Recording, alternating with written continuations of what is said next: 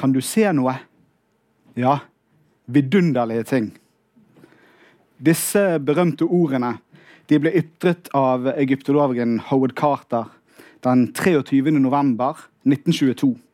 Da han først kunne titte gjennom en liten åpning i en dør som han hadde hugget inn i Tutankhamon sin grav. 100 år tidligere, den 27. september 1822, sendte Jean-France Champollion sitt berømte brev til, eh, brev til M. Dersier angående hieroglyfenes fonetiske alfabet.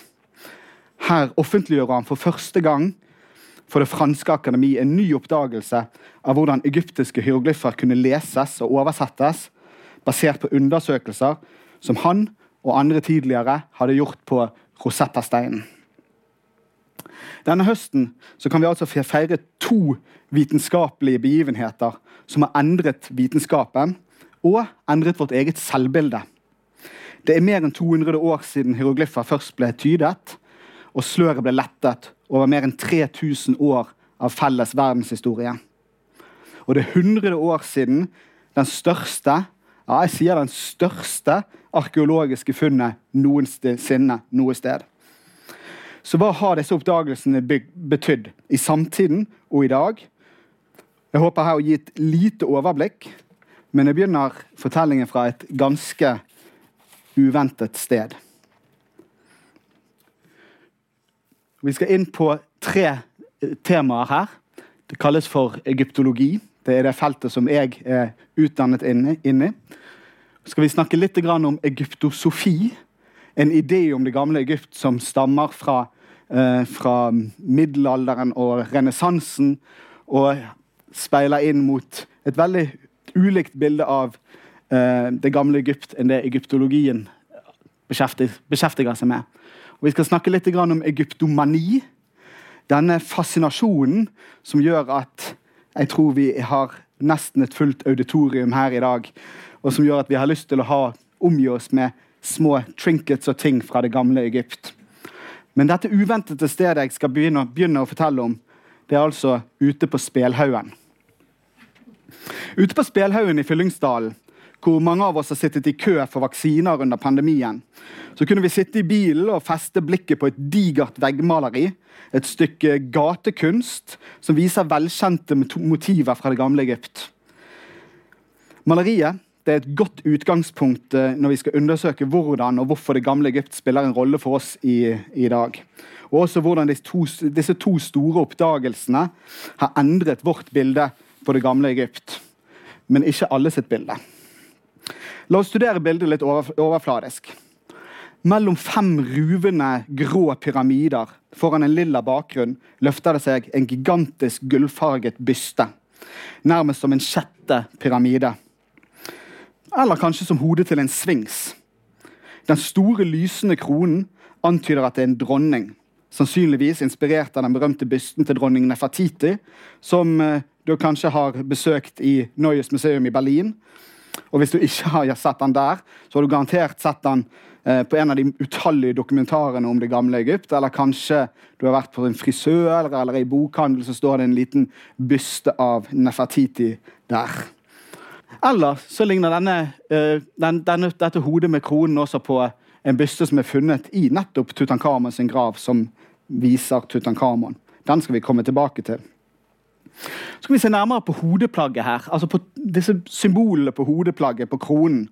Der bukter det seg en slange, nesten slik som det gjør på originalen. Men her er ikke slangen en beskyttende kobraslange, som det var i det gamle Egypt. Men istedenfor er det blitt én eller to slanger rundt, som bukter seg rundt en stav. Symbolet, som dere ser her, um, stammer fra en stav til guden Asklepios, en gud for helbredelse fra det gamle Hellas. Han finner dere på apoteker og i medisin også i dag. Men kanskje siden akkurat her for på Asklepios er det bare én slange, at her er det kanskje to, så kan det hende at dette egentlig er, er et symbol for guden Hermes, som er en gresk gud som er assosiert med visdom og kunnskap, men som hadde sine mytologiske røtter i det gamle Egypt. Hermes var en budbringer, en som bevegde seg mellom guders og menneskers verden. Og under navnet Hermes Trismegistos, Hermes den tre ganger store, så var han assosiert med den egyptiske visdomsguden Tot. Denne guden, eller Jehuti, som han heter på egyptisk. Denne guden som har et ibisnebb, et fuglenebb, eller som avbildes som en bavian. Under senantikken i, under senantikken i Egypt så ble hele bøker om læren til denne Hermes Trismegistos tegnet ned. På gresk og på det gamle egyptiske språket koptisk. Det ble gjenoppdaget i renessansen og eh, publisert, ble populært og hadde svært stor innflytelse på utviklingen inn mot ja, moderne vitenskap på den ene siden, litt etter litt, vel å merke, og okkultisme på den andre siden. Skriftene fra Hermes Trismegistos omhandler bl.a. legekunst, alkemi, astrologi. Her kunne man få innsikter i hemmeligheter eh, om hvordan universet hang sammen. Bysten på spelhaugen den eh, spiller derfor på denne arven fra antikken og fra renessansen. Verdens mysterier er skjult, men kan gjenoppdages i oldtidens tekster og monumenter. Ser vi videre på veggmaleriet, så sitter det en sjakal foran her. Det er den egyptiske guden Anubis, guden som leder oss inn i dødens rike. Akkurat denne Anubis-figuren eh, mistenker jeg at er tegnet etter en tilsvarende figur som er funnet i Tutankhamon sin grav. Vi skal komme tilbake til den. Nede i, nede i venstre hjørne, helt ute i kroken her, så ser vi et annet gammelt egyptisk varemerke. En levende skummel mumie. Den første boken eh, om mumier som gjenoppstår, den ble skrevet allerede i 1827. Noen få år etter eh, boken om eh, Frankensteins monster ble gitt ut. Og Dette er en bok som heter rett og slett The Mummy på engelsk. Hvor, eh, skrevet av Jane Webb. Hvor eh, kong Keops sin mumie blir funnet, gjenopplivet ved hjelp av strøm i år 2126. Og som dere vet, så har det kommet en rekke av bøker og filmer etterpå som heter nettopp The Mummy, hvor mumien gjenoppstår. Og et lite fun fact. Eh, Frankenstein blir ikke opprinnelig gjenopplivet av strømmen av kjemi. Så det har de tatt fra mumiens eh, Når det dukker opp i filmen, så er det tatt fra denne The Mummy, som kom noen år etterpå. Mumien i graffitimaleriet her peker på en obelisk. Sånne gigantiske søyler som opprinnelig flankerte inngangene på egyptiske templer. Mange av de er i dag fraktet ut av Egypt. En står på Petersplassen i Vatikanet. Den kom til Italia allerede under romerne. En annen står på Concorde-plassen i Paris. En tredje ved Themsen i London. En fjerde i Central Park i New York. Ethvert imperie må ha en egyptisk obelisk. En enorm moderne obelisk reist for å ære George Washington i Washington DC etter hans død i 1799. Opprinnelig så skulle denne 150 meter høye Washington-obelisken reise seg over et slags tempel som kombinerte elementer av gresk og egyptisk eh, kunst. Vi skulle se Washington der, sin byste, under en bevinget solskive, akkurat som en egyptisk farao. Hjørnesteinen til Washington-obelisken ble lagt av frimurere i 1848. Washington, som så mange øverst i det amerikanske samfunnet, var frimurere på denne tiden. her, Og frimurerne de sporer sine røtter nettopp tilbake til egyptiske pyramidebyggere. Tilbake til graffitien her. På spelhaugen så ser vi noen andre finurligheter som stikker seg frem. I denne, disse grå pyramidene som vi ser, så ser vi at de er nærmest blitt graffitiskrift. Noe som gjenspeiler en gammel teori om at pyramidene inneholdt universets hemmeligheter, nedtegnet i de matematiske dimensjonene til pyramidene i arkitekturen. På toppen av den ene pyramiden er det til og med et øye. Akkurat sånn som det også er på den amerikanske endollarseddelen. Igjen er det frimurerne. Lenge så var det først og fremst de bibelske fortellingene om Egypt som ble bevart og gjenfortalt. Den tradisjonen preget vårt bilde på Egypt, kanskje mer enn det vi liker å innrømme. Bibelen gir oss to blikk på Egypt. På den ene siden så er Egypt en fæl slavekultur, hvor israelitterne holdes fanget av en brutal og hensynsløs farao. På den andre siden så er Egypt et land hvor eh, Josef, som kommer inn som en ja, stakkarslig fyr, men reiser til, kommer til makten i, i det egyptiske samfunnet. Og Josef utfører trolldomskunster foran farao. ikke sant? Og uh, i det hele tatt Dette med trolldom og Egypt er noe som skulle bli en gjenganger i hvordan vi har sett på Egypt i ettertiden. Moses han lærte alle de egyptiske prestlige kunnskapene før han vandret ut av Egypt. Så man må forestille seg at i den bibelske fortellingen så er det eh, på en måte den egyptiske erfaringen og kunnskapen som ligger grunnlaget for at Moses kan sende sine medisraelitter inn til Israel og ska skape landet. Den egyptiske, mystiske kunnskapen. Et uh, lignende blikk er da knyttet til denne gruppeteksten i senantikken etter Hermes uh, Trismegistus, som da ble den arketypiske trollmannen på en måte i, inn i, inn i til tidlig moderne tid og til og med i dag. Så ofte når man ser en trollmann med en høy, hvit hatt, for eksempel, så stammer nok den opprinnelig fra en, en, en, eh, en øvrigegyptisk krone, som er sånn høy og hvit. Så trolldom og ritualer det går igjen i det gamle Egypt. Og dette er jo noe som eh, har preget eh, okkultismen eh, inn i, inn i eh, moderne tid, og gjør det også i dag. Kanskje først med spesielt under uh, Helena Blavatsky. Og også, som vi ser her, Alistair Crawley, den berømte okkultisten, uh, som her kledd som en, en egyptisk uh, prest.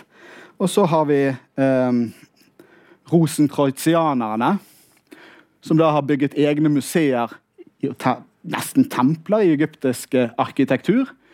Og vår egen eh, Martha Stensvik, som i eh, 1923 skrev også en si, et slags mysterieskuespill om ISIS-gudinnen. ISIS-sløret. Og Martha Stensvik jo, en, var nær med Rudolf Steiner og Steiner-skolen sin tid. Men også utvikle seg til å bli en rabiat antisemitt inn mot andre verdenskrig. Det finnes noen spor rundt omkring i Norge også av dette her, og andre steder. Pyramider det begynner å dukke opp på gravplasser i Europa allerede på 1600- og 1700-tallet. Eh, kanskje pga. dette her er da blitt et symbol på udødelighet. For så skal det faktisk ha vært planlagt, det ble aldri gjennomført. Men både for Shakespeare og Newton var det planlagt å bygge pyramider, men det ble ikke gjennomført. Eh, for de av dere som har vært og besøkt eh, Glyptoteket i København, så det er en stor glasspyramide i taket der. Under så var det tenkt at Karlsberg skulle blitt begravd, men det ble litt for overdådig, så han bygde seg heller en kirke som han ble begravd i utenfor, utenfor København. Så i alle tilfeller. I Norge så er den eldste pyramiden som jeg kjenner til, i hvert fall, eh, fra 16, eh, sannsynligvis 1700-tallet. Dateringen er litt uh, usikker. Den er reist for en som heter Ove Bjelke oppe i Trøndelag utenfor Trondheim, uh, med Austrått. Og er datert til 1658 på inskripsjonen, men sannsynligvis er han bygd litt senere. Så er det bygd en kopi inne i Trondheim av dette en, for en slektning, Jørgen Bjelke. Så allerede på 1600-1700-tallet bygde man pyramider i Norge. ikke det er ganske fascinerende? Så har vi også en annen pyramide som jeg regner med at mange av dere har besøkt, i Stavern. Minnesmerket for falne sjøfolk etter, uh, etter første verdenskrig. Den ble uh, påbegynt rett etter Tutankhamons grav ble funnet i, i 1922. Jeg tror denne ble begynt, eller De vant arkitektkonkurranse for dette store, store pyramidebygget i Stavern Eh, i 1823.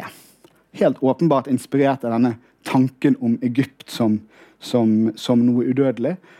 Og Bildet vi hoppet over her, så vidt, det handler om obelisker som er satt opp på gravplasser rundt omkring i hele Europa, hele verden, egentlig. Egyptiske søyler. Dette bildet tok jeg i Utne for en tid siden, som viser da en rad av obelisker eh, foran kirken.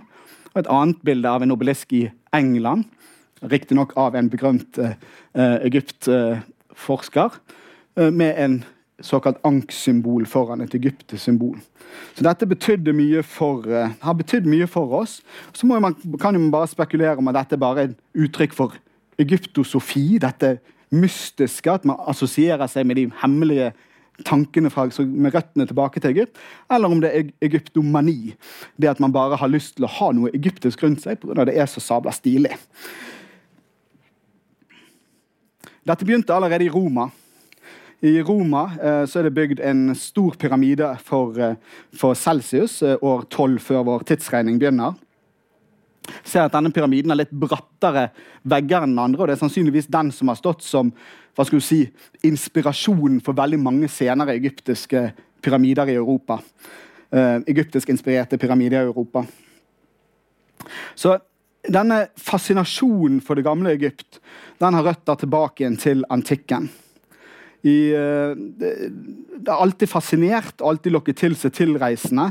Både fra i bibelsk tid og fra de gamle greske forfatterne som reiste ned og beskrev det nesten som en antropologi og skrev en historie over, over uh, Egypt og en slags nyreligiøsitet hvor man eksporterte eller importerte egyptisk religion inn i Romerriket rundt omkring. Det fins til og med et ISIS-tempel i flere ISIS-templer er det vel i England. Eh, spredd overalt, og eh, egyptiske elementer en del av denne egyptomanien som har spredd seg rundt omkring. Men hva visste man etter hvert om gamle Egypt? Altså, Egyptisk historie er lang. Den er over 3000 år gammel varer fra 3200 før vår tidsregning til ja, 400 og noe etter, etter, kanskje, før først kristne overtar landet, og deretter der, eh, muslimene. Um, og Den siste hieroglyfinnskriften som ble skrevet ned, den finnes i et egyptisk tempel syd i, helt syd i Egypt. Et Isis-tempel for filer, Og en liten graffiti her som er skriblet inn på veggen um, Eh, på, på, eh, på 400-tallet etter vår tidsregning. Og Hieroglyfer på denne tiden her var en slags hemmelig prestelig kunnskap. Det var ikke hvem som helst som kunne dette. Det var veldig, veldig få, og du måtte ha gått i skole i tempelet. Så Det betyr at etter hvert når kristendommen kommer inn og tempelet blir eh, stengt, så forsvinner også kunnskapen om språket. Så den måtte vi jo da finne igjen. Og de første, uh, de første, tekstene fra Egypt som kommer til, til, uh, til Europa, de kommer av en kar som heter De Valle. Som tar med seg som en, en reiser rundt i hele det ottomanske riket på 1400-tallet, slutten av 1400-tallet, og tar med seg mumier tilbake inn til Egypt, men også ulike tekster. Og blant disse tekstene ikke nødvendigvis de som kommer an, men blant de tekstene som sirkulerte på denne tiden, her, så fins det en tekst av en kar som heter Horapollo. Og Horapollo han tolket tekster, eh, tekster symbolsk. Han anså at hver hieroglyf eh, betydde noe betydde én ting. Så for eksempel hvis man eh, hadde bilde av et øre eller øre til en okse, så betydde det å høre. Og det hadde han faktisk helt rett i. Det er bare det at dette skapte en misforståelse om hieroglyfer som gjorde at man tenkte seg i, gjennom hele, helt opp til moderne tid uh, at hieroglyfer bare var et rent symbolspråk. Det viste seg at det ikke var. Så begynte man å sammenligne språket med uh, andre kjente språk som man hadde. Noen prøvde å sammenligne det med kinesisk, men andre kom til at dette her måtte være uh, det egyptiske språket som heter koptisk. Det, den siste fasen av det egyptiske språket. For Det lærte man, og det snakket man fremdeles i den kristne kirken. Athenaos Kircher for eksempel, han var en av de som skrev en ordbok for, for, uh, for koptisk på 1600-tallet. Og gjorde store studier over alle egyptiske monumenter han kunne finne. for å se og prøve å tolke dem. Men så lenge han tolket det kun ut ifra et uh, symbolperspektiv, så ble dette rett og slett fryktelig, fryktelig merkelig. Og det varte helt frem til uh, slutten av uh, eh, 1700-tallet. Når helt på slutten Napoleon reiste inn i Egypt for å ødelegge for britiske handelsforbindelser. Når Napoleon kommer til Egypt, så har han med seg ikke bare soldater, men han har med seg en hel uh, av uh, vitenskapsfolk. Og Disse vitenskapsfolkene reiser rundt, de noterer, tegner av uh, natur, geografi og monumenter. Så de tar med seg tilbake til Europa det de kan finne av monumenter i et gigantisk verk som kalles 'Description de Egypt', så dere ser forsiden på, på her. Men mest av alt, viktigst av alt så finner Egypt, eh, Napoleons soldater monumentet som heter Rosetta-steinen. Rosetta-steinen eh, er det som løste opp hele vår inngang til det gamle Egypt. Hvordan vi kunne, se, hvordan vi kunne lese den. Nå, er det ikke sånn at dette monumentet her ble værende hos franskmennene. Det ble fraktet til British Museum, for som dere kanskje vet, så ble Napoleon raskt kastet ut av engelskmennene. Og Det som er fascinerende med det monumentet, som gjorde at vi kunne lese det, det er på den ene siden at den har tre ulike tekster på seg. Og disse tekstene er helt like. Den avknokkende delen på toppen av denne svarte steinen er skrevet i hieroglyffer. Den neste delen er skrevet i i språket som heter demotisk, som er en slags håndskriftvariant eh, som ble utviklet av hieroglyffer ganske sent i gammelegyptisk historie. Og nederst så har du det flotte at du har en gresk tekst som står her. Så Det betyr at man kunne begynne da, å lete etter ok, her er en linje på gresk. Det kan vi jo lete, lese. Så ser man etter en ny linje på det demotiske og den, det egyptiske, og så prøver man å bygge litt etter litt. Problemet med det er det greske språket er et alfabetspråk. De har omtrent like mange bokstaver som vi har i vårt. Det demotiske det kunne man tenke seg var noenlunde det samme, så der begynte man å få noe. Men hieroglyfene, når man begynte å telle bokstaver og ord, stemte ikke overens i det hele tatt. Her er det langt mer hieroglyfer enn det burde være hvis teksten var det samme. Og så er jo han knukket av denne hieroglyfteksten på toppen, så dette var ikke en enkel kode å knekke. Løsningen kom med disse ovalene som vi finner rundt omkring på steinene. Såkalte, Vi kaller det kartusjer i dag, eh, etter sånne kruttholdere som de franske soldatene hadde med seg. Eh, men det er egentlig et kongeskjold. Så det man begynte å se er at i disse her eh, navnene som skiller seg, eller disse her ovale som skiller seg ut, så er det sannsynligvis navn. Så hvis vi fokuserer på de, og så sammenligner vi med den greske teksten, så kanskje vi kan klare å finne ut hvem det er. Og man ser det at I den greske teksten så ser vi hvem dette monumentet er eh, dedikert til. Eh, Ptolomeus Epifanus, omtrent 169 før, 96 før vår tidsregning. Så man ser da etter ok, kan Ptolomeus stå her oppe. Og Da begynner man å plotte inn bokstaver, og så ser man at ja, dette synes å stemme godt overens. Og De to personene som gjorde dette, var på den ene siden Thomas Young i Storbritannia først, som begynte å plotte inn dette. her.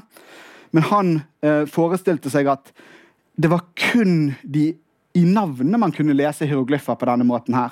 Så om man kunne identifisere navnet til greske konger ja, så kunne man identifisere navnet, men resten av teksten, hva med den? Den hjelper jo oss ikke. For her er det ingenting som stemmer overens. Så de tenkte seg at denne alfabetskrivingen det var noe som var unikt for, for, uh, uh, for disse kongenavnene.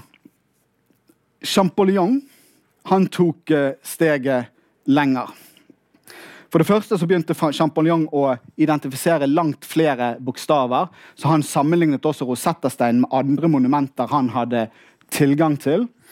Og så det f.eks. at uh, når man kunne stave her P, T, O, L, Ptol, Mys ok, Så har man Ptolemeos skrevet med en firkant, et stykke brød, en ja, jeg vet ikke hva det er, en løve for uh, osv.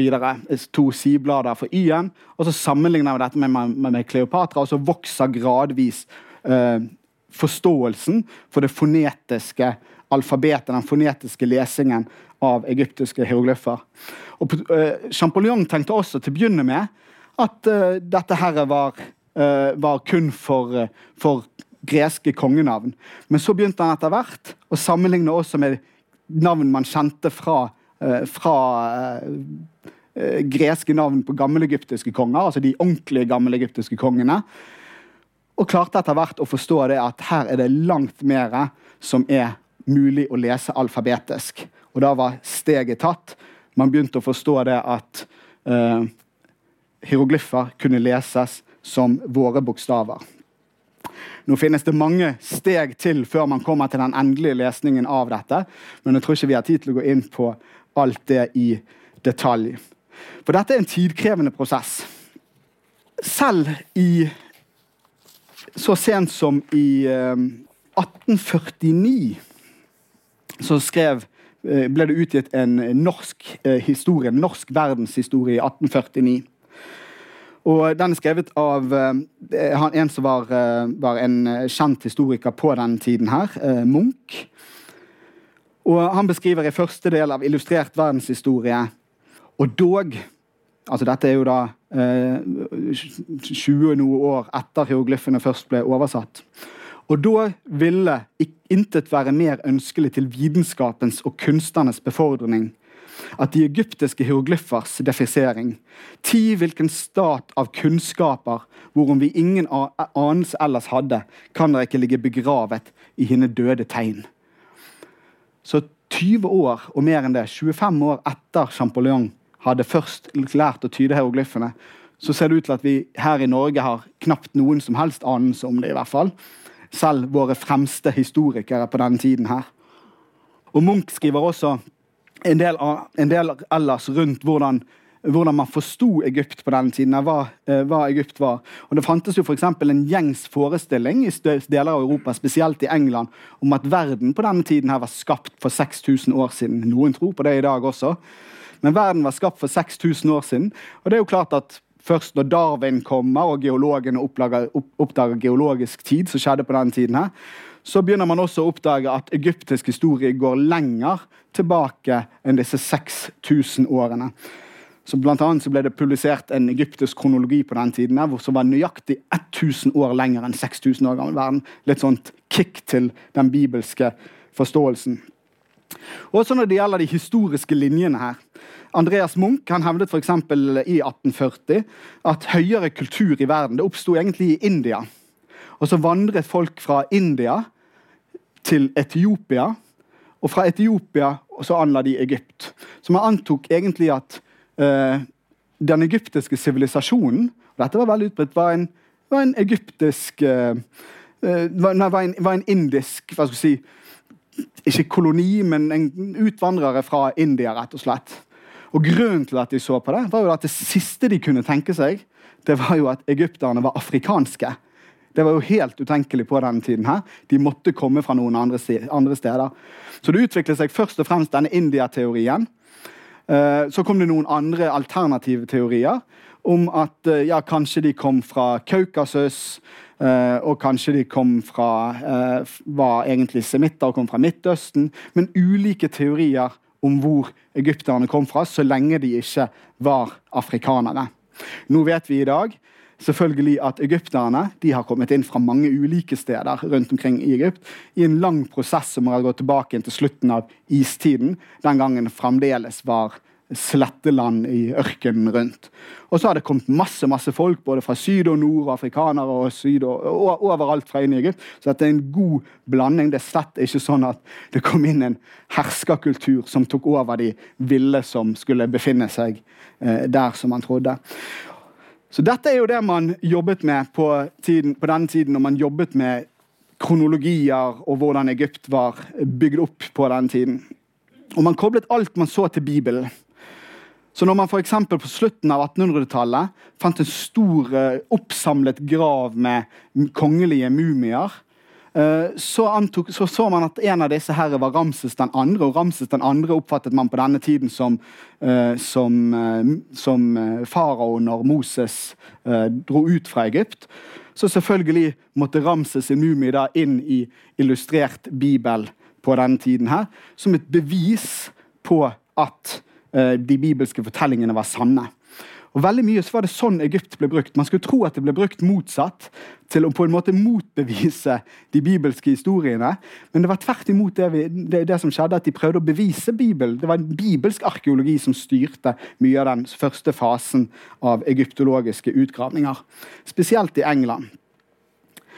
Men så har vi også en annen linje, og det er de seriøse egyptologene. De som er virkelig de som blir egyptologer, som lærer seg språket og går inn for å lære kulturen å kjenne i seg sjøl. Wilkinson for eksempel, fra England flyttet til Egypt og bodde der store deler av livet sitt allerede på 1820-tallet, altså kort tid etter Champollion hadde lært å overtyde hieroglyffer. Og lærte seg det han kunne av hieroglyffer på den tiden. Møtte Champollion. Og han er en av mange som prøver å identifisere navn i sånne kongelister som vi finner på egyptiske monumenter. Og man oppdaget det etter hvert, at noe var rart med det. For man ble kjent med konger fra ulike monumenter. Så Her for eksempel, så ser vi et monument i en grav uh, i, i, syd i Teben. Uh, like ved der som Wilkinson bodde. Her sitter kong Tutankhamon på en trone, og, og graveieren står foran han. Man kan lese navnet i disse små ovale over. Nebkeperore, det er Tutankhamon. Men man ser også at det er hugget litt i denne kartusjen, sånn at man ikke helt ser, eh, ser eh, navnet, men man kan tyde det bak disse uthuggingene. Så man ser at dette er en konge det har skjedd noe med, og så sammenligner man det med disse kongelistene og hvor denne personen måtte befinne seg. Og så ser man ja, bla, bla, bla, bla. Så her har vi da eh, Nebmat Re. Nebmat Re det er Amonhotep den tredje, den store, mektige kongen i det 18. dynasti, som man hadde lært å kjenne. Og så hopper man over her til kong Horemheb. Og kong Horemheb var den første ja, en, først siste kongen i 18. dynasti, overgangen til 19. dynasti. Men så vet man det at Tutankhamon og en konge som heter Akenaten, og en konge som heter Ai, og en konge som heter Smenkare. Alle disse her, de burde være her imellom. Og Når man da sammenligner det med at navnet er blitt hugget ut på monumentene som det er gjort i Tutankhamon navn her, så skjønner man at dette er en høyst interessant gruppe faraoer vi snakker om. De er blitt glemt, visket ut fra historiens minne. Så utover 1800-tallet så begynner man virkelig å utforske hvem det er. Og Man drar da til utgravninger i Mellom-Egypt, i det som kalles byen Amarna. Og I Amarna der regjerte kong Akenaten og hans dronning Nefertiti. Dere husker bysten som vi snakket om fra eh, Spelhaugen. Med denne høye kronen med slange frempå. Og Nefertiti og Akenaten var spesielt interessant på denne tiden. her. For Nå hadde man begynt å lese de egyptiske monumentene. Man så det at man av og til snakket om bare én gud. Så kanskje det var sånn at på den ene siden Moses sin monoteisme hadde blitt øh, fått et uh, minne i Egypt. At det hadde blitt en del av egyptisk kultur. Kanskje var det sånn at det fantes egyptiske prester som egentlig bare trodde på én gud, mens folket trodde på mange. Og det man ser her Når man fant uh, monumentene til Akhenaten og Nefertiti i Amana, så ser man nettopp en sånn monoteisme, hvor kun solguden er den eneste gud. Og så begynner man å se slektsleddene mellom Tutankhamon og Akhenaten og Nefertiti. Nå er det blitt veldig omdiskutert, og det er omdiskutert fremdeles. Tilsynelatende i dag så tenker man seg det at uh, med gen genetiske undersøkelser gjort, så var eh, Akhenaten far til Tutankhamon. Andre mener at han er stefar. Sannsynligvis faren til, til, til Akhenaten. Og så vet vi at eh, Tutankhamon i så fall var gift med, eh, med Akhenatens datter, altså sin egen søster. Eh, Ankensen på Aten. Så bare det i seg sjøl er jo interessant, at man begynner å løse opp i slektskapet på denne tiden. her. Og så finner man også nå ganske raskt den såkalte restaurasjonsstelen, som er en steinstøtte som, forteller, som er skrevet av Tutankhamon, som forteller at han forkaster denne monoteismen, troen på bare den ene solguden Aten, og vil ta tilbake igjen, gjenåpne templer som hadde blitt stengt, for å kunne dyrke mangfoldet av guder. Så Tutankhamon blir plutselig en veldig veldig spennende figur å finne ut mer av. Den fremste arkeologen på denne tiden i Egypt det var Williams Flindry, Petrie. beryktet for å ha utgravninger i rosa underbukser for å holde turister borte. Men i alle tilfeller, han tok en læregutt inn, og denne læregutten inn mens han gravde ut i Amarna, for øvrig, byen vi nettopp snakket om med, med, med Akenaten. Og denne læregutten det var ingen ringere enn Howard Carter, han som en dag skulle ende opp og grave ut Tutankhamon sin grav. Vi skal kort komme inn på Tutankhamon sin grav også, men før det så må vi se litt hvordan Tutankhamon og hvordan man oppfattet Egypt på denne tiden her i populærkulturen. Thousand years ago, in history we know, King Tutankhamun ruled a mighty land. He ruled for many years, mid laughter, song, and tears. He made a record that will always stand. Why, they opened up his tomb the other day. You skal ikke spille det mer. Men det dere ser her, er jo uh, allerede utover 1900-tallet, uh, tidlig 1900-tall, så ser vi at Egypt var overalt. Men når man fant Tutankhamon sin grav Dette er da sanger som er lagd. Det finnes mange mange sanger i, og danser knyttet til det gamle Egypt. Og ingen, mitt, ingen mindre enn Old King Tut was a wise old nut, som dere hørte litt av, uh, litt av her. Det skapte seg, bredte seg en slags egyptomani som eksploderte med funnet av Tutankhamon eh, Tutankhamon sin grav. Og Det var som jeg nevnte eh, Howard Carter som jobbet litt sammen med Petrie, men hadde en lang fartstid med å jobbe i det sydlige Egypt, også i det vi kaller for Kongenes dal i Egypt, som dere ser et bilde av her. Han, egentlig, han endte egentlig opp i Egypt litt tilfeldig. Han drev og lagde malerier for, uh, for, uh, for, rike folk som dro ned der og hadde ekspedisjoner. Jobbet også tidvis bare for med å selge malerier av graver og sånn til turister, men bygget seg opp et rykte etter hvert når han lærte seg å jobbe som arkeolog når han gikk i lære hos f.eks. Uh, Petrie, som vi så. Han ble også en, en av de øverste antikvitetsmyndighetspersonene i dette området i en periode. Og Her fant man hele tiden nye funn, og man fant små spor etter kong Tutankhamon rundt omkring i Kongenes dal. Man fant eh, litt gull her med navnet hans. Man fant eh, noe balsameringsmateriale der med navnet hans. Og man skjønte det at han måtte være et sted. Så var det en kar som het eh, eh, eh Davidson, som, eh, Theodore Davis, som fant en liten grav som han tenkte måtte være Tutankhamon sin. På grunn av Der fant man dette gullfoliet med navnet hans på. Men Howard Carter var ikke enig. Dette kunne ikke være graven. Så når første verdenskrig brøt ut, og Davis ga opp sine utgravninger, så uh, hadde allerede Howard Carter hatt kontakt med uh, lord Canevron i England. En skikkelig jetset-riking fra Storbritannia, som da bodde i hva er det dette Highclere Castland og sånt, som dere kjenner fra TV-serier? Um, nå husker jeg ikke hva den TV-serien heter, så hvis noen kan bare rope det ut. Downton Abbey. Takk. um, så uh, han var riking. Han var i, i Egypt, bosatt seg i Egypt i deler av året pga. helse, som mange rikinger gjorde på den tiden der. Og så finansierte de gjerne utgravninger. På den tiden var det sånn at Hadde du penger, så kunne du begynne utgravninger, og du fikk gjerne med deg halvparten av funnene hjem.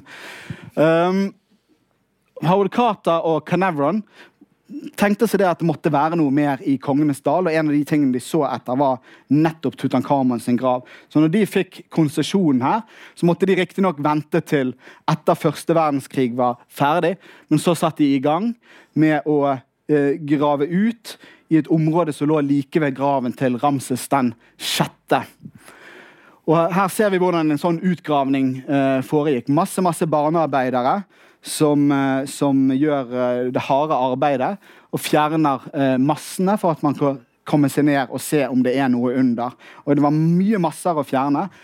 Carter var beryktet for at han ville gå helt ned til grunnfjellet for å være helt sikker på at her var det absolutt ingenting man gikk glipp av. Så um, Så skjer det. I 1922, den uh, 4. november så ganske nøyaktig for eh, 100 år siden, så eh, dukker det opp Carter kommer til, til arbeidsplassen på morgenen. Arbeidet har stoppet opp.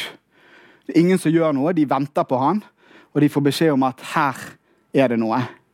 De tar han med bort, og så det et, er det et trappetrinn som er blitt klarert. Og Et trappetrinn betyr én ting. Det leder til noe. Så han skjønner her kan det være noe virkelig, og de starter utgravningen i løpet av eh, dagen og klarerer en trapp ned. Og så kommer de til en dør. Og døren er forseglet. Dempler fra det gamle Egypt. Det ser ut som at han ikke har, har vært røvere her. Nå er graven ganske, trappen ganske liten i forhold til det man skulle tro. Så kanskje det ikke er en grav allikevel. Kanskje det er bare et sted man har oppsamlet noe. Men det kunne han ikke få vite med en gang. Lord Carnarvon måtte være med. Det var han som betalte for gildet. Så, og så sender han et uh, brev til uh, England, til Carnarvon, og, skri, og, skriver dette lille notis, notiset her, eller brev, det er kanskje mer uh, morse eller noe sånt som dette ble gjort med. Um, At last have made a wonderful discovery in the valley a magnificent tomb with seals intact, recovered, uh, recovered for same for you for your arrival. Congratulations. Tre uker senere så, uh, så ankommer, uh, ankommer Canavron uh, til Egypt, og de kan begynne arbeidet videre. Men ganske raskt ser de, skuffet som de blir, at øverst i et hjørne ved graven så ser man ja, Dere ser det ikke her på dette bildet, men så ser man at noen har brutt seg inn i graven. Så de blir mindre optimistiske, men fortsetter. Må jo være allikevel veldig spennende å se hva de har funnet. Den 23. februar så var forkammeret noenlunde tømt. Og turen var kommet til denne her, eh, ja, De tok ned den første veggen, og så kom de til en annen mur. Og når de kom til denne indre muren, som også var forseglet, de kunne se det også vært noen som har brutt seg gjennom der, men tettet igjen eh, etterpå, så går de hjem, tar en pustepause, og neste dag kommer de igjen. Og så skal de hugge seg gjennom denne lille døren. Så tar de frem stearinlys, titter inn. Man har beskrivelsen her Kart, fra Carter sin publikasjon. At first I could see nothing. The hot air escaping from the chamber causing the candle flame to flicker. But presently, as my eyes grew accustomed to the light, details of the room within emerged slowly from the mist. Strange animals, statues, gold everywhere, the glint of gold. For the moment, an eternity must have seemed to, seemed to, to the others standing by. I was struck dumb, dumb with amazement, and when Lord Carnarvon, unable to stand the suspense, any longer, inquired anxiously, Can you see anything? It was all, um, it was all, uh, all I could do to get out the words, Yes, wonderful things. Så han kikket inn vidunderlige ting. Og det man så, er uten sidestykke i verdenshistorien. Og jeg regner med dere alle sammen har sett dette mange mange ganger før. Vi er så heldige nå at vi får se disse. Ikke bare kan man se gjenstandene i Kairo museum, men nå har de også flyttet disse gjenstandene fra det gamle museet og opp i det nye museet som ble bygget oppe med, med Giza, som snart kommer til å åpne. Og Der skal alt i Tutankhamons grav stå samlet utstilt. Så man må bare forestille seg det, hvordan det er å stikke et stearinlys inn et lite hull der og prøve å få et, en idé av hva som befant seg i dette første kammeret. Og Man ser noe sånt som dette. Man ser gullbelagte senger med hoder av en flodhest, en ku og en løve. Man ser kasser og bokser og stoler. Og man ser disse eh, hvite eskene her som inneholdt eh, mat. Man ser noen nydelige stoler av Eiffelben, skrin med statuer. Man ser på andre siden og ser vogner, gullbelagte krigsvogner. Flere av de, jeg tror det var seks i graven. Man ser uh, våpen, man ser trompeter, man ser musikkinstrumenter. Og man ser en liten byste som stikker seg frem. Et lite ansikt som stikker seg frem. Fremdeles så forsto man ikke at man nødvendigvis hadde funnet en grav. Nyhetene kom til Aftenposten. De hadde ikke bilder på den tiden, selvfølgelig, så de tok noen tilfeldige egyptiske gjenstander og satt på forsiden. Oppsiktsvekkende oldfunn ved Luxor i Egypt. Eventyrlig oldfunn i Teben. Litt etter litt så når det også andre, tids, eh, andre aviser, og man begynner å få bilder og telegrammer som viser hvilke gjenstander som befant seg der. Her er sengene, her er bysten, her er en stol, en hanske. Alt dette her blir rapportert daglig etter hvert i norske aviser. De fulgte I 22 og 23 så var det hele tiden rapporter i alle norske aviser fra den største til den minste om dette. Og Man lærte masse rundt Tutankhamon. Man begynte å finne brev på British Museum som handlet om Tutankhamons enke, som kontakter hetittene og spør etter Tutankhamons død Min mann er død. en, en, Kan dere gi meg en ektemann? Jeg er redd for hva som skjer i mitt eget land. Jeg trenger en, en, mann som kan beskytte meg. Hos etittene i Tyrkia, eller i dagens Tyrkia, Anatolia. Så alt dette kommer i avisene nå på, på disse dagene her. Og man følger med også nå så ser man det at ok, man har, man, når man har begynt å tømme dette forkammeret, så begynner man også å se hva kan finnes mer her. Man skjønte det, det er flere rom. Og det kommer også i avisene. Det indre kammeret i Tutankhamons grav ble åpnet i dag, står det i Tidens Tegn. Den 19. februar 1923. Så det har gått en god stund. Carter måtte jobbe seg gjennom det første rommet før han kom, kunne komme inn i det andre. Og Det andre rommet så man når man var i, i denne forkammeret og snudde seg til høyre. Så man to sånne voktere som står. Og Så ser man at det er et felt her som er litt annerledes enn resten av veggen. Så bak her var det noe. Og Man åpnet den, tok ned veggen da, i, i februar 23. Og så ser man denne veggen av gull foran seg.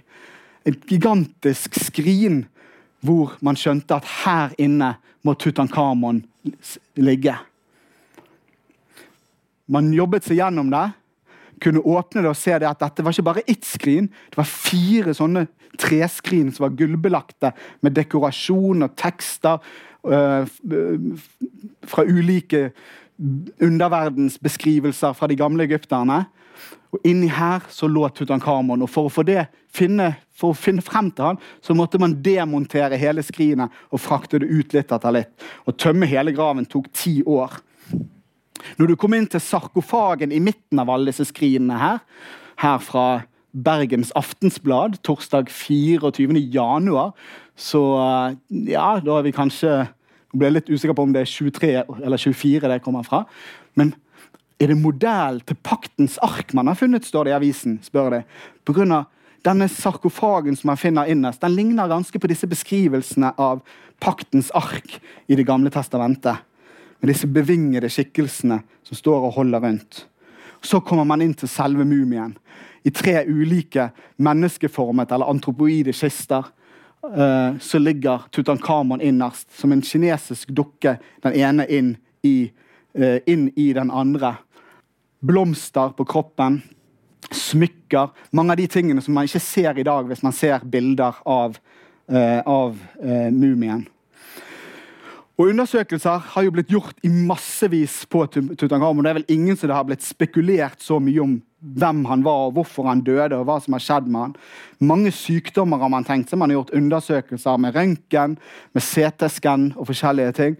Og man har en oppfatning om at uh, Tutankhamon sannsynligvis var uh, klumpfot, hadde kanskje andre lidelser som resultat av dette innavlet som han var en del av i den kongelige familien. Men i dag så er det mange som ser også på at det er veldig mye våpen. Det er rustning, det er stridsvogner. Så kanskje han har vært denne krigerkongen som han utgir seg for allikevel. Man ser det også sånn han fremstilles i avisene på denne tiden. her. Og Gjennom disse funnene så lærte man å kjenne lærte man å kjenne historien rundt han. Man ser det hvem som har overtatt kronen. Det er kong Ai, som ikke var kongelig i det hele tatt. Som her eh, åpner magisk munnen til Tutankhamon i et ritual under begravelsen. Dette er veggene inne i gravkammeret. Man lærte Tutankhamon og hans kone, som opprinnelig het Ankensen Paaten, men skiftet navn til Ankensen Amon ettersom Tutankhamon ikke lenger ville tro på eh, Aten, den ene solguden. Så byttet begge to navn til Atendyrkelse til Amon, den andre viktige guden. Men uansett, når vi ser på bildet her på en trone av gull, så sitter han på en stol, lett henslengt, mens uh, Ankesepanaten holder en kjærlig hånd bort på han. Og Det er masse sånne bilder av deres nærhet i graven. Bror og søster, kanskje. Uh, I hvert fall uh, sannsynligvis uh, slektninger. Og inn i det innerste kammeret, er enda et kammer som kommer etter det, så finner man masse rituelle gjenstander. Man finner Tutankhamons innvoller som er blitt tatt ut i mumifiseringsprosessen i en egen kiste og egne krukker. Man finner denne Anubis-figuren, som jeg tror dere kjenner igjen fra spelhaugen i starten. Og masse rituelle figurer. Og Jeg skal ikke gå inn på disse, men jeg har veldig lyst til det, for dette er ting som jeg sjøl har skrevet om i mitt eget uh, arbeid. Men det er et slags rituelt kammer. Masse rituelle gjenstander her. Og Dette leder jo da til denne eksplosjonen som vi var inne på. Med f.eks. en magiker i USA som tilfeldigvis heter Carter. Han blir nå, kaller seg nå Carter the Great, og så skifter han hele sitt show til å handle om, om eh, noe Egypt-aktig. Uh, man uh, ser bøker som kommer ut. The Love Story of Tutankhamen, Kiss of a Pharaoh, en bok som kommer ut nå. Flere filmer som heter The Mummy. Uh, kanskje den beste av alle av uh, Karloff, The Mummy, som kommer ut også noen år etter Tutankhamons funn. I Norge, året etter funnet, så kommer Kaptein Munch ut med en veldig populær bok som heter Fluen. Uh, som også er en sånn krimromanaktig sak fra det gamle Egypt. En spennende fortelling fra Tutankhamons land. I avisene dette tror jeg er fra Bergens Tidende, så ser man tegninger av hvordan moten endrer seg i Paris. Plutselig begynner man å gå med egyptiske motiver i, eh, i klesdraktene utover 20-tallet. Dansende mennesker foran Osiris trone, eh, som vises på det bildet her. Eh, som, er bild, som, en motereportasje fra Paris.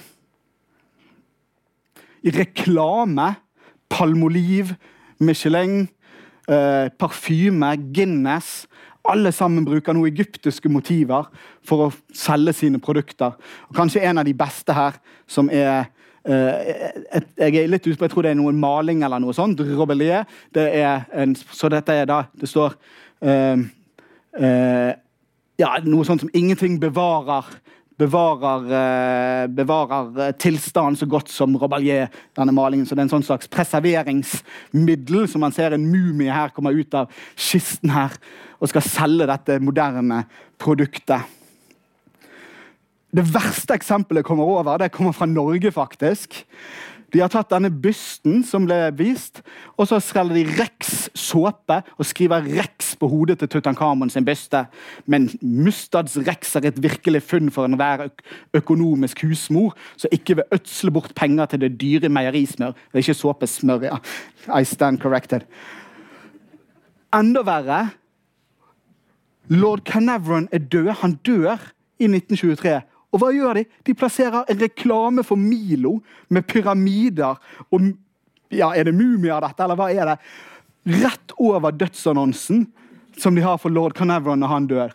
Denne Rex-reklamen det er også faktisk fra samme dagen og på samme side som det annonseres om Canaverons dør. Så norske aviser, de, eller norske produkter, de solgte seg på Carnarvon sin død. Veldig, veldig spesielt. Og så alt dette mystiske som skjer. Luksus Lord Canevron dør. Var han forbannet? Det er jo et moskitobitt. Var han forbannet? Det går det nyhetsaviser om, artikler om i hele, hele verden. Og Luxor blir nå et glimrende sted i verden for spiritistiske seanser, står det i avisen. Fra New York telegraferes det at en pastor, William Guthrie, har holdt en merkverdig gudstjeneste i St. Marcus Church. Denne gudstjenesten har seg har vært viet den egyptiske gud Amen-Ra og kjetterguden Aten.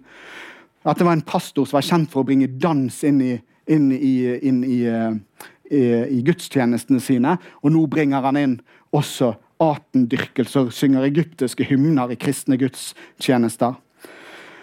En amerikansk eh, dame som kan huske at hun var farao Tutankhamons hustru, sies det. Står det i avisen på denne tiden her. Du har altså en som eh, innbiller seg at hun er gjenfødt fra det gamle Egypt. Og dette, som dere ser, kjenner vi igjen fra i dag også. Durek Verret, som da har kommet ut og sagt hun var dronning, jeg var farao. Ikke Tutankhamon, vel å merke, men ikke så langt ifra.